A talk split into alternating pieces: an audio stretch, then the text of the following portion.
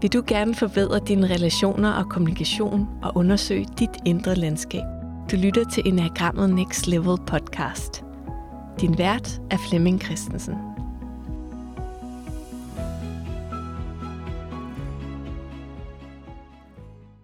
Jeg er Charlotte Heje Hase, og jeg taler med Flemming Christensen om enagrammet og hvordan vi kan bruge det til at få øje på os selv og få mere selvindsigt. Og vi er i gang med en serie, som lidt bygger på en række af interviews, som Flemming har lavet med mennesker, der relaterer til de forskellige typer. Og han har spurgt dem, hvad er det, I særligt har haft udfordringer, og hvad har I gjort i den forbindelse? Og det er blevet til nogle rigtig fine erkendelser, og det er noget af det, vi dykker ned i her. Ja, og tanken har egentlig også været, at tænk hvis, tænk hvis jeg kunne præsentere den udviklingsrejse, en type har været på, når de har været igennem dem. Så hvilke erfaringer kunne man så trække på, samtidig med, at, at det er så forskellige rejser. Vi jo startede med 8'eren, og så havde vi 3'eren, og nu kommer vi til 7'eren. De ligner jo hinanden meget i energi og temperament, og den måde, vi ligesom går til tingene på. Men deres udviklingsrejser, det de skal arbejde med øh, for at skabe ligesom balance mellem, kører jeg selv mit liv, eller kører typen mit liv. Det er meget, meget forskelligt. Så ønsket var egentlig at, at kunne illustrere noget, som nogen har været igennem. Så man endnu bedre kunne finde sig selv i sin type, men måske også fik lidt inspiration til, nå, jamen så er det egentlig meget godt på vej, eller det kører da egentlig meget godt for mig. Så, mm. så jeg har faktisk været så, så ambitiøs, at jeg tænker, at det skal med på vores grunduddannelse på vores øh, Enneagram Basic, som jo egentlig kun er tre dages introduktion til Enneagrammet. Man kan vide om... Altså, jeg tror, det hører til. Måske er det nok bare, at man har adgang til de her podcasts, men, men jeg tror, det vil være nyttigt at fortælle, hey, hvad er det, der står og møder mig? Det skal i hvert fald testes. Ja. Så.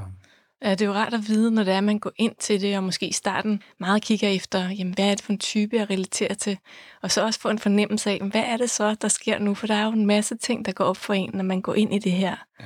enagrammet. Og man har måske allerede været i gang længe. Ja. Altså, jo. Det er ikke sådan, at bare fordi man møder enagrammet, så starter man noget personligt indsigt for første gang i sit liv. Man har med garanti haft masser af oplevelser, og man er måske i gang med et eller andet og sige, hey, det er det her, nå, der er så rigtig, rigtig mange andre mennesker, som gør det samme. Altså, vi, vi kan vi ikke inspirere hinanden. Mm. Så. Ja, og det giver også noget rummelighed og forståelse for, hvad er det andre egentlig går med, ja. og hvordan kan det være, ja. at det er lige det, ikke? Ja, præcis. yeah. Vi arbejder med den her normal tilstand, som er et nyt begreb, jeg, jeg har tænkt mig at bruge, som er, hvad er det, der er helt normalt for mig? Hvis vi kigger på øh, syveren her, så er min frygt jo, at jeg bliver begrænset, eller stikket, eller er i smerte, eller nogen tager mulighederne fra mig. Så det betyder jo, at jeg bliver nødt til at få startet en masse ting op, vise over for mig selv, at der overhovedet ikke er nogen bånd og begrænsninger på mig, være sådan øh, opstarteren og øh, ikke gå glip af noget, øh, være optimist og positiv, og hvis livet er lidt hårdt, ja, men så er det måske en læreproces, jeg skal igennem. Så det der, den, den der konstante udlad af energi i alle og ingen retninger, det vil være min normaltilstand. Hmm. Stille og roligt, så, så vil jeg sikkert opdage, at der er noget selvoptagethed inde i det her. At, at det ligesom er meget, hvad har jeg lyst til, eller hvad er vigtigt, eller hvad gider jeg ikke?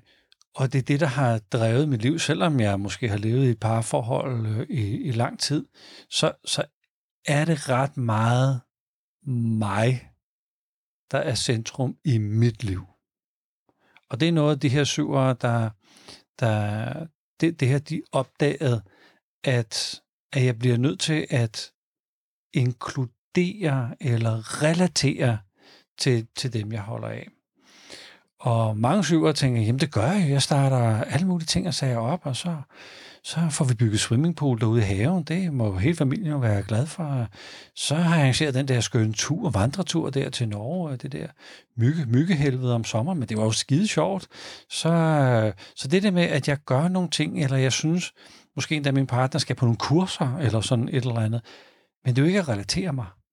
Det er bare at overføre min idé om, eller nærmest min restløshed i livet, overføre den på dem, jeg holder af, så de også kan blive endnu mere sådan energiske og, og disconnecte for sig selv. Så, så det er jo ikke, der er jo ikke en hjerterelation i den. Der er jo ikke en, en, en forbindelse til andre mennesker i det. Men det tror jeg, det er min fikse idé. Men de fleste, jeg har talt med, har ligesom opdaget, det var bare mit kort over virkeligheden, jeg trak ned over dem, jeg holdt af. Det må, det må være en, en virkelig tung erkendelse, altså hvis man egentlig altid har set sig selv som, som i gangskaber, når den, der gør det, er, er det gode hjerte, ja. og, og så finder ud af, at man måske kan have en tendens til bare at sætte ting i gang for, ja, ikke at stå stille, og ikke for... Altså, jeg distraherer jo mig selv. Det, det er bund og grund det, jeg gør. Og det er det, jeg opdager, at jeg gennem min restløshed sikrer, at jeg ikke mærker mig selv, eller ikke skal udsættes for noget, fordi det er jo også, det er jo også en tendens, at for syveren, jeg vil ikke udsættes for smerte, jeg vil ikke udsættes for sorg. Øh, øh hvis nu folk de sidder og taler om noget, der er kedeligt, men hvorfor skal vi det? Det vil jeg da ikke udsættes for. Så lad os, øh, så lad os lige smide sådan en, en sjov bombe ind i selskabet, så vi på en eller anden måde får noget spas i gang.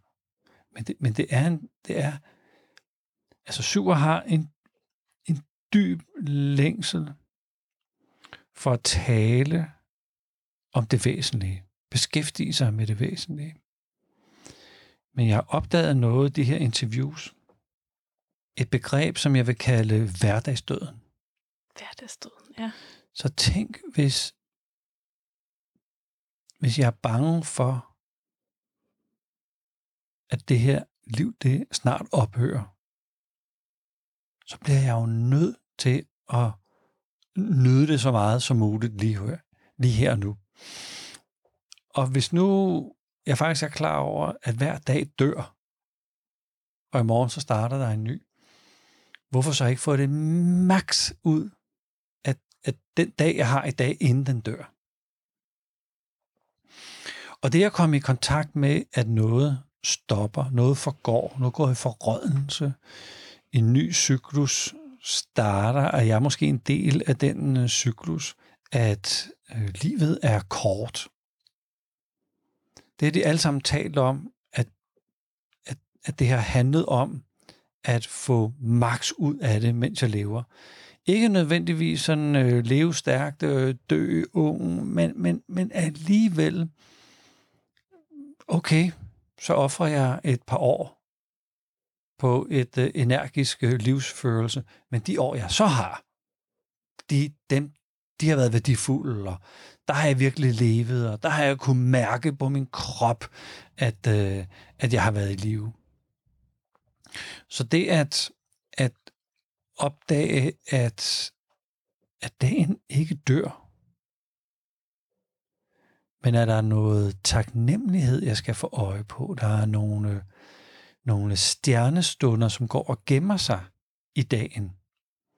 Og det er, det er summen af de ægte stjernestunder, der fortæller mig, hvor langt mit liv er. Det er ikke, hvor mange timer jeg har været vågen og, tr- og trække vejret og, og, og sat, sat alt muligt i gang. Det, det er summen af de små, ægte stunder, hvor jeg har set døden i øjnene og stået stille nok og fået øje på det, der er væsentligt. Hmm.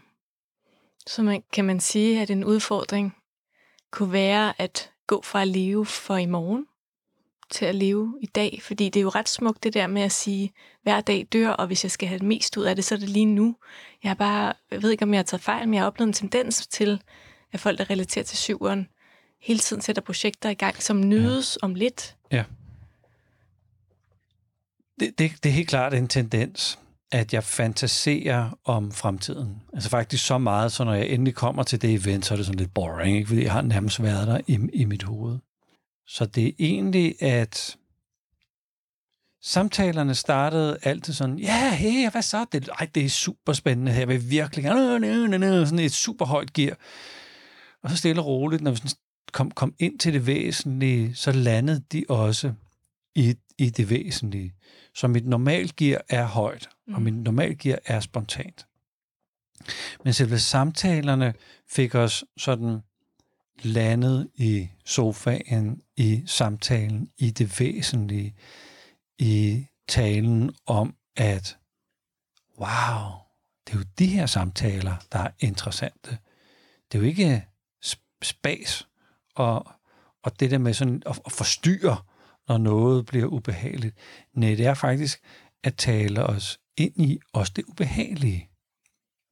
Mange har haft en fornemmelse af, at de over for deres børn har også ligesom, hey, I skal også ud og nyde livet. Øh, jeg er kæk og god til at sætte ting og sager i gang, så det skal det også være. Kom, kom nu afsted. Og har kommet til at bruge sin ironi og sarkasme til at tale selvværdet ud af deres børn. Så hvis ungerne ikke var lige så kække og kvikke som, som mig, så har de fået sådan en, en, en skarp, nedladende kommentar, som man sikkert godt kan fyre af til voksne.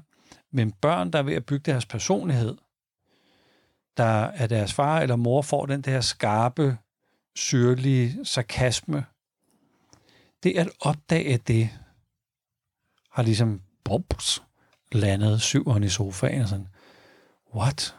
Jeg troede altid, jeg var positiv og bragte det positive lys på mine børn. Ja, det har du også.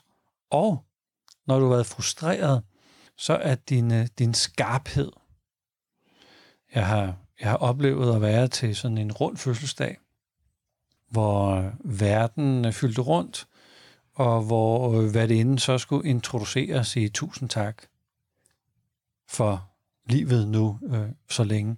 Det var simpelthen den groveste mm. og mest nedladende øh, tale, jeg nogensinde har hørt fra formodede elskende til, til hinanden. Men syveren tænkte egentlig, at det var sådan en kæk, mm. munter, sjov, men det var en ekstremt pinligt. Så den der frustration, jeg har derinde, den går altså ud over dem, jeg holder rigtig, rigtig, rigtig meget af, børn som, som voksne.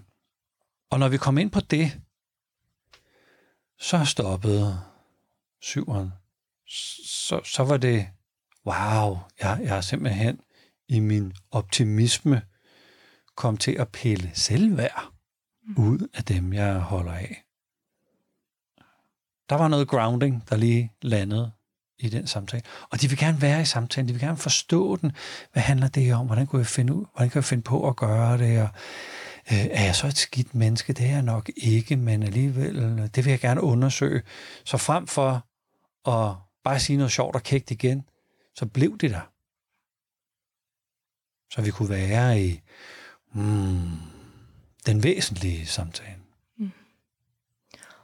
Og hvad bunder det i, at, at den der kække sarkasme, er det noget med, at, at jeg gør det på en måde, så jeg vil også have, at du har friheden, og hvis du ikke gør det, forstår jeg det ikke, eller, eller ved? Det er altså. en distance, jeg skaber jo mm. distance.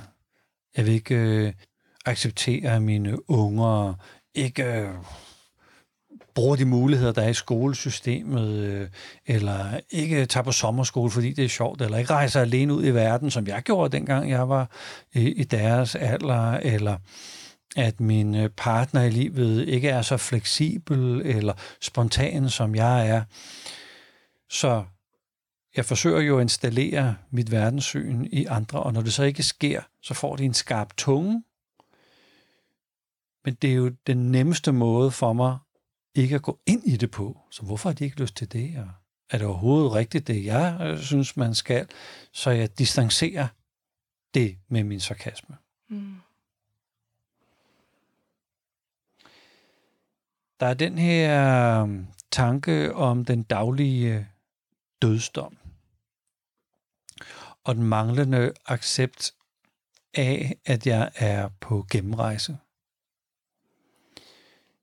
det har også gjort, at nogle syvere enten har virkelig, virkelig fortæret livet, fordi det var her lige nu, eller begynder at have fantasier om, nå, men øh, jeg er ikke bare på gennemrejse, vi blev inkarneret og, og geninkarneret, og jeg har masser og masser af liv, så livet er nærmest uendeligt.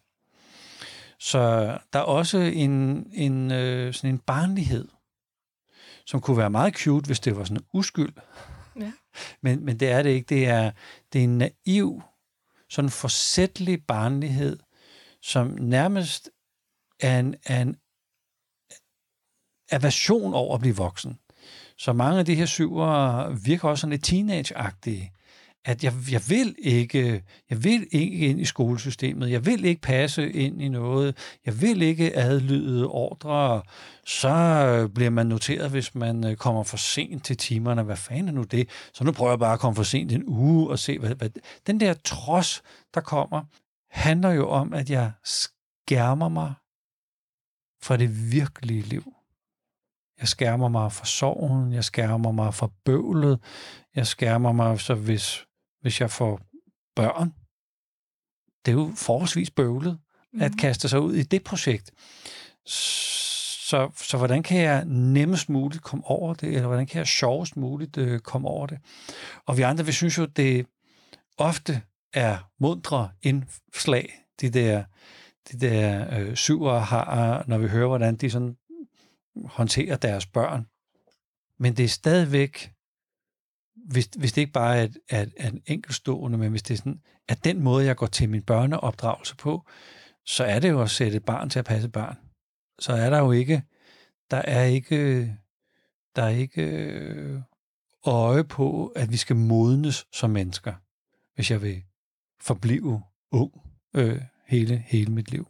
Så den der seriøsitet om livet, det er det, der er blevet vækket hos syver. Og det har været en kæmpe, kæmpe kamp, fordi jeg vil ikke være seriøs. Jeg vil ikke være voksen. Det slukker jo min frygt for, at nogen bestemmer over mig. Eller at nogen begrænser mig, eller jeg bliver stækket i mine muligheder, eller jeg har så meget smerte i mit hjerte eller min fysiske krop, at jeg, at jeg ikke kan have det lige så sjovt, som jeg gerne vil have. Hvad har du så oplevet af, at man som syver får adgang til, hvis det er, man tør at gå derhen, hvor at man bliver voksen, eller hvor der er noget seriøsitet? Altså, jeg har opdaget, at barnligheden eller det uansvarlige konverteres til værdsættelse og anerkendelse. Jeg kender især en syver, som når jeg er sammen med hende, så belyser hun alt det, der er positivt, eller smukt, eller fabelagtigt, eller strålende i mig. Så jeg går altid opløftet derfra og tænker, hold kæft mand, hun har fået øje på noget, jeg ikke selv har fået øje på, som jo rent faktisk er virkelig godt. Så, så frem for at, at lave spas med det, så er det nærvær nok til at se lige præcis det der element og, og bringe det frem i lyset. Jeg synes også, at jeg har set, at det lidt destruktive og manipulerende er blevet konverteret til ægte nærvær og ægte nysgerrighed. Vi kan godt have en tendens til at synes, at øh, syver er nysgerrige. Men det er de ikke nødvendigvis. De keder sig bare. Så det at gå fra det ene til det andet, fra det tredje til det fjerde, men være virkelig nysgerrig. Det bedste billede, jeg har lige i øjeblikket, er et, som jeg har fået af min egen øh, sensei, som har fået billedet af en af hans gode venner, som er kirurg, en af verdens førende kirurger. Og det er den her mand så åbenbart gør. Han har så øh, patienten liggende på bordet og skal skære dem op og kigge ind for at se, hvad der er galt derinde. Og han siger, hvis jeg ikke har beginners mind, så overser jeg det væsentlige. Så hvis jeg tror, jeg ved, hvad jeg kigger efter, kan jeg komme til at misse en ting, der ikke er, er, som det skal være. Så det der med at åbne og kigge ind, som om det er første gang, jeg kigger ind, og jeg er 100% nysgerrig på, kan vide, hvad det er, jeg finder.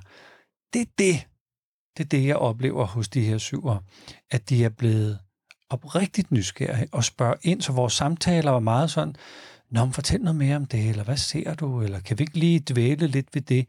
Så, så de har faktisk haft lyst til at dykke ned i tingene, og virkelig, virkelig undre sig over ja, sig selv faktisk. Ikke? Så er der den her, øhm, ja, det er lidt hjerteløs og, og lidt provokerende, når de sådan bruger deres sarkasme og deres, øh, deres skarpe tunge. Det, det synes at blive konverteret til mm, en form for omsorg eller næstekærlighed. Altså en, en, et ønske om, at det faktisk godt må gå det, at det må gå godt for dem, de er sammen med. At de ønsker det bedste for dem. På deres betingelse. Ikke på min betingelse. Ikke at jeg synes, at de skal leve livet på en bestemt måde, men jeg kan gå ind og, og få øje på, det er måske den måde, der gør dig glad. Alt det her, det kommer jo ud fra, at jeg har haft de der dybe samtaler med mig selv. Og det er jo en hovedtype, som på en eller anden måde, hvor hovedet det måske kører lidt, lidt hurtigere og med masser af idéer og kreativitet og fantasier, og opdage, at det ikke er hovedet, der er min styrke. Det kan altid slå til. Men det er mit øh, hjerte, der er min styrke. Det er min evne til at relatere, få andre med, fremkalde det bedste i andre, være taknemmelig over at sidde her ved bålet og nyde det, uden at jeg lige skal finde ud af, hvad kan jeg smide ind i bålet for sådan lige at se, hvad der så sker her i aften. Næh, være der i det her nu. Så hvis otteren på en eller anden måde skulle have kontakt med sin ydmyghed, og træerne skal have kontakt med, hvad er det, der får dit hjerte til at synge, så er syverens kontakt det her med at være lige her i livet, lige nu. Os to, der står i et øh, studie, som er 6.000 grader varmt, fordi det skal, det skal højisoleres, og alt skal lukkes, og ingen blæser kan køre. Og vi står her og kigger hinanden i øjnene. Nogle gange kigger jeg lidt væk for at finde de rigtige ord. Vi har stablet noget på benene. Hvor er det dog fantastisk, at vi får lov til at opleve lige det her. Ikke noget med, nej, nu skal vi snart være færdige, eller det er super varmt, eller hey, vi har flere typer. Nej, nyde, nyde den lille magiske stund, der kan opstå i det her nu.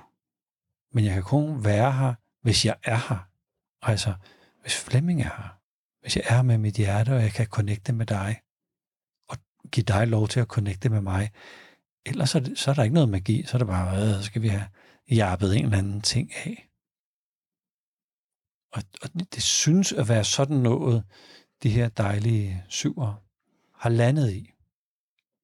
Og samtalen landede der. Den startede sådan, no, yeah, yeah, plunk. Mm. Og så landede vi i den stue, vi var i, eller i det spisekøkken, vi var i. Eller. Og hvordan nu sidder man og lytter med, og man kan måske virkelig genkende den her restløshed, eller igangsætter, og måske det der med at være lige nu her. Hvordan lander man der? Har du en øvelse eller et eller andet? Ja, det har jeg, og hvis vi kigger på den nye neutrale tilstand, så er det en slags livsglæde over øjeblikkets storheder og håndtere alvor med taknemmelighed. Og tippet er sådan noget i stil med faktisk realisme. Det var syverne enige med mig i. Først protesterede det. Som jeg er super realist. Jeg er nærmest kynisk. Nej, det er du ikke. Du er distanceret fra virkeligheden. Så kynisk, ja, men du er, det, det gør dig distanceret fra, hvad der virkelig er på færre. Så det, der virkelig er på færre, det er, at du har taget selvtilliden ud af din, dit barn. Du har glemt at nyde livet lige her. Du har lavet tåbelige ting, som hvis folk fik at vide, hvad du har lavet tåbelige ting, ville de blive rigtig, rigtig, rigtig kede af det. Det er ikke realisme. Realisme er at se præcist, hvad det er, du gør, og den måde, du opfører dig på. Jeg kender mange syvere, der er selvstændige, og jeg stødte på et tidspunkt på en, der lavede øh, events. Og han var crashet 12 gange med sit firma, fordi han havde glemt at sende fakturer frem til mm. kunderne, fordi det var jo pivkedeligt. Men det er urealistisk. Det er jo ikke realistisk. Og så kan jeg slå kynismen til og sige, ja, ja, ja, men altså, det var jo sjovt imens. Jamen, det er bare, det er bare stupidt. Det er ikke realistisk. Så realisme er, er en, af de her, en af de her tips. Og relationer, at starte med at relatere til dem, der er vigtige for mig. Altså sidde stille nok. Kigge dem, der er vigtige for mig, ind i øjnene. Øhm, og opdage, at jeg bliver nødt til at relatere til mig selv. Jeg bliver nødt til at have en relation til mig selv. Jeg bliver faktisk nødt til at værdsætte mig selv, frem for at stikke af fra mig selv hele tiden. Jeg bliver nødt til at være realistisk, frem for at disconnecte med kynisme eller humor. Så de her syver har jo stadigvæk deres gode energi og deres øh, optimisme, og på en eller anden måde, så taler de om livet nærmest sådan po- poetisk om livet med en realistisk sådan, med en realistisk pen, at, at det er også hårdt. Så frem for sådan, ja ja, men øh, der er også noget godt. Sådan den der, lige smæk noget på. Jamen, livet er også hårdt. Det er bare, hvad det er. Og det skal jeg også. Jeg skal ikke igennem det hårde. Jeg skal være med det hårde. Og velvidende, at, at det meste er sådan, som livet er, det forandrer sig. Så på et eller andet tidspunkt, så er det ikke hårdt længere. Frem for, at jeg skal forsere, at det ikke er, er hårdt længere. Så noget realisme og noget, noget med relationer. Jeg tror, det vil være et godt sted at starte. Ja. Så hvis vi skal kigge på, hvad vi har gået igennem med syveren her, så var det noget med at gå for den der grundtilstand af frygt for at blive stikket, eller vingerne blive ja. stikket, ja. og at øh, bliver, man bliver begrænset. Ja. ja, til at stå stille og kigge realistisk på, hvad er det egentlig, der foregår i mit liv, og ja. hvad vil jeg med mine relationer? Ja. Kom Ej, til stede. Ja. Jeg kan mærke, jeg, jeg har tændt så meget for syveren lige nu, og når du, når du feeder det der tilbage til mig, så tænker jeg bare, det er kedeligt. Hvad er realistisk, og hvad må, det er bare kedeligt. så det er faktisk også at overkomme alle de der indvendinger på, det er kedeligt. Ja. Så en lille, en lille element i det også, ja. Ja, fordi man har hele tiden den der eventyr i sig, eller der ja. skal ske noget, eller... Realisme. Ja. Det er bare per definition kedeligt. Ja. Men, men lige kom over, at det er, det er faktisk en livsrealisme. Hvad, hvad vil det egentlig sige at være menneske på godt og ondt at være i dag? Så, ja. Mm. Det er også en måde at grounde sig på, eller ja, være, præcis, ja. være her nu. Ja. Fordi jeg tænker, at hvis man gerne vil alt det fantastiske, livet har at byde på, men man lukker for det, som, som kan være tungt og svært og voksent og kedeligt, mm. så, er det, så er det også svært at få forbindelse til, til den anden side. Ja, fordi så bliver jeg nødt til at få mere og mere og mere og mere af alt. Og livet er jo begge sider. Ja. Øhm, også yes. for dem, man er sammen med. Ja. Der vil jo være, der vil være hårde stunder også. Ej, vi lyder voksen. Ja, det lyder meget voksen. Men der, der, er not, der er et eller andet om det ja. til syveren. Ja. ja, så der var noget med, med rejsen mod nærvær i hvert fald. Og værdsættelse og anerkendelse af sig ja. selv også. Ja, og det i relationerne og opdage, hvad min sarkasme og spydighed egentlig gør, hvor meget det egentlig hiver selvværd ud af dem, jeg holder af. Ja. hvordan humor kan stikke Ja. eller blive et skjold. Ja, ja, ja, ja. Godt. Er det nu helt, er det, har det lyttet helt øh, kedeligt trist? Du ser sådan. Jeg synes egentlig, der er noget smukt i det der med at, øh, at vågne til den anden side også, og det du sagde med stjernestunderne. Ja. Og det er jo ikke fordi, at dem, du har talt med, som, som har som er, er vågnet eller har, har oplevet nogle ting, er gået hen og ikke have de andre sider. Nej, der er nej, stadigvæk, nej. som du siger, energien. Der Ja, er stadigvæk øh, de vilde glæden, idéer og, og- glæden. ja. Og, Men jeg er på en eller anden måde øhm, kærligheden til livet, eller respekten for livet. At livet er ikke noget, der skal fortæres. Det er noget, jeg, det er noget, der er en del af mig. Hele livet. Det er godt. Hele livet, ja.